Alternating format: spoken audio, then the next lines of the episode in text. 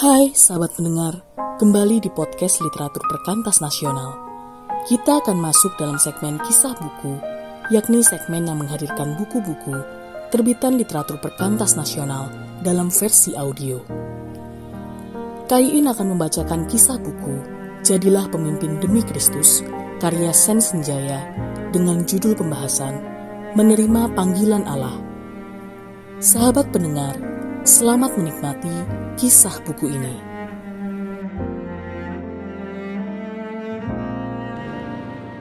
Menerima panggilan Allah. Perkenalkan Nehemia, posisi juru minuman Raja Persia Artasasta tahun 464 sampai 423 before Christ. Deskripsi kerja mencicipi minuman raja sebelum disuguhkan.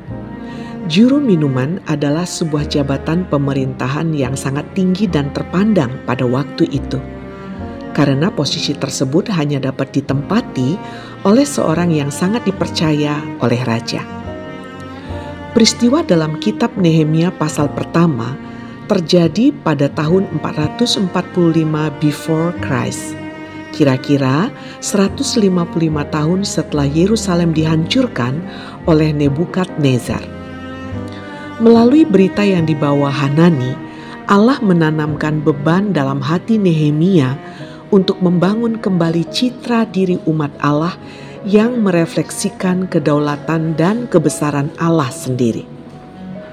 Allah memanggil setiap orang yang Ia kehendaki sebagai pemimpin dengan cara beragam.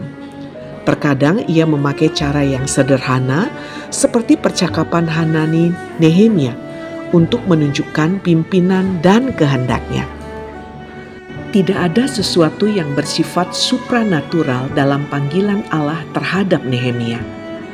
Tidak ada semak yang terbakar, bala tentara surgawi yang menyanyi, suara dari langit, mimpi yang dahsyat, badai topan, dan seterusnya.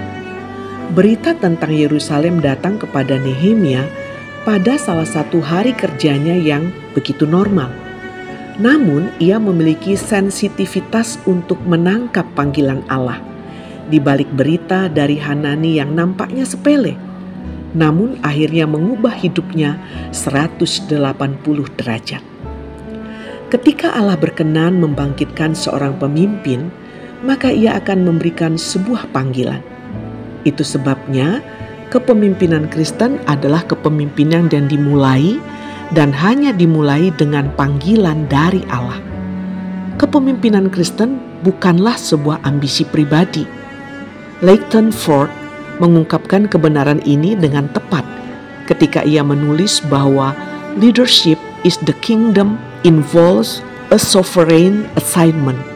Leadership is a call from God, not a position we choose for ourselves. Panggilan tersebut datang kepada Nehemia persis saat ia berada dalam puncak karirnya. Panggilan tersebut datang di tengah kondisi hidupnya yang sangat aman.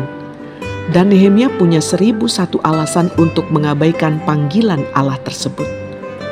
Namun kedudukannya yang tinggi, kesuksesannya dalam karir, dan kemapanan hidupnya tidak membuat ia lupa akan bangsanya Meskipun Nehemia saat itu berada lebih dari seribu kilometer dari Yerusalem, ia tidak mencoba bersikap acuh tidak acuh. Nehemia tidak memadamkan gerakan Allah dalam hatinya. Ia mengizinkan Allah bekerja dalam hatinya melalui doa, puasa, dan pergumulan. Nehemia merespons panggilan Allah dan ia pergi membangun tembok Yerusalem. Pemimpin Kristen adalah pemimpin yang peduli tentang hal-hal yang ada di hati Allah. Sejarah dunia penuh dengan orang-orang yang demikian.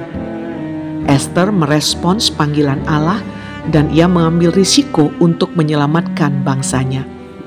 Rasul Paulus merespons panggilan Allah dan ia mengabarkan Injil kepada orang-orang non-Yahudi. David Livingstone, William Carey, dan Hudson Taylor merespon panggilan Allah dan mereka pergi ke Afrika, India, dan Cina untuk menaburkan benih Injil. Bagaimana dengan Anda dan saya?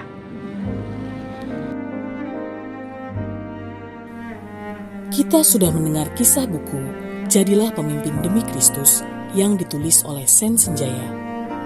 Pesan dan dapatkan buku ini melalui WhatsApp Literatur Perkantas Nasional. Terima kasih. God bless you.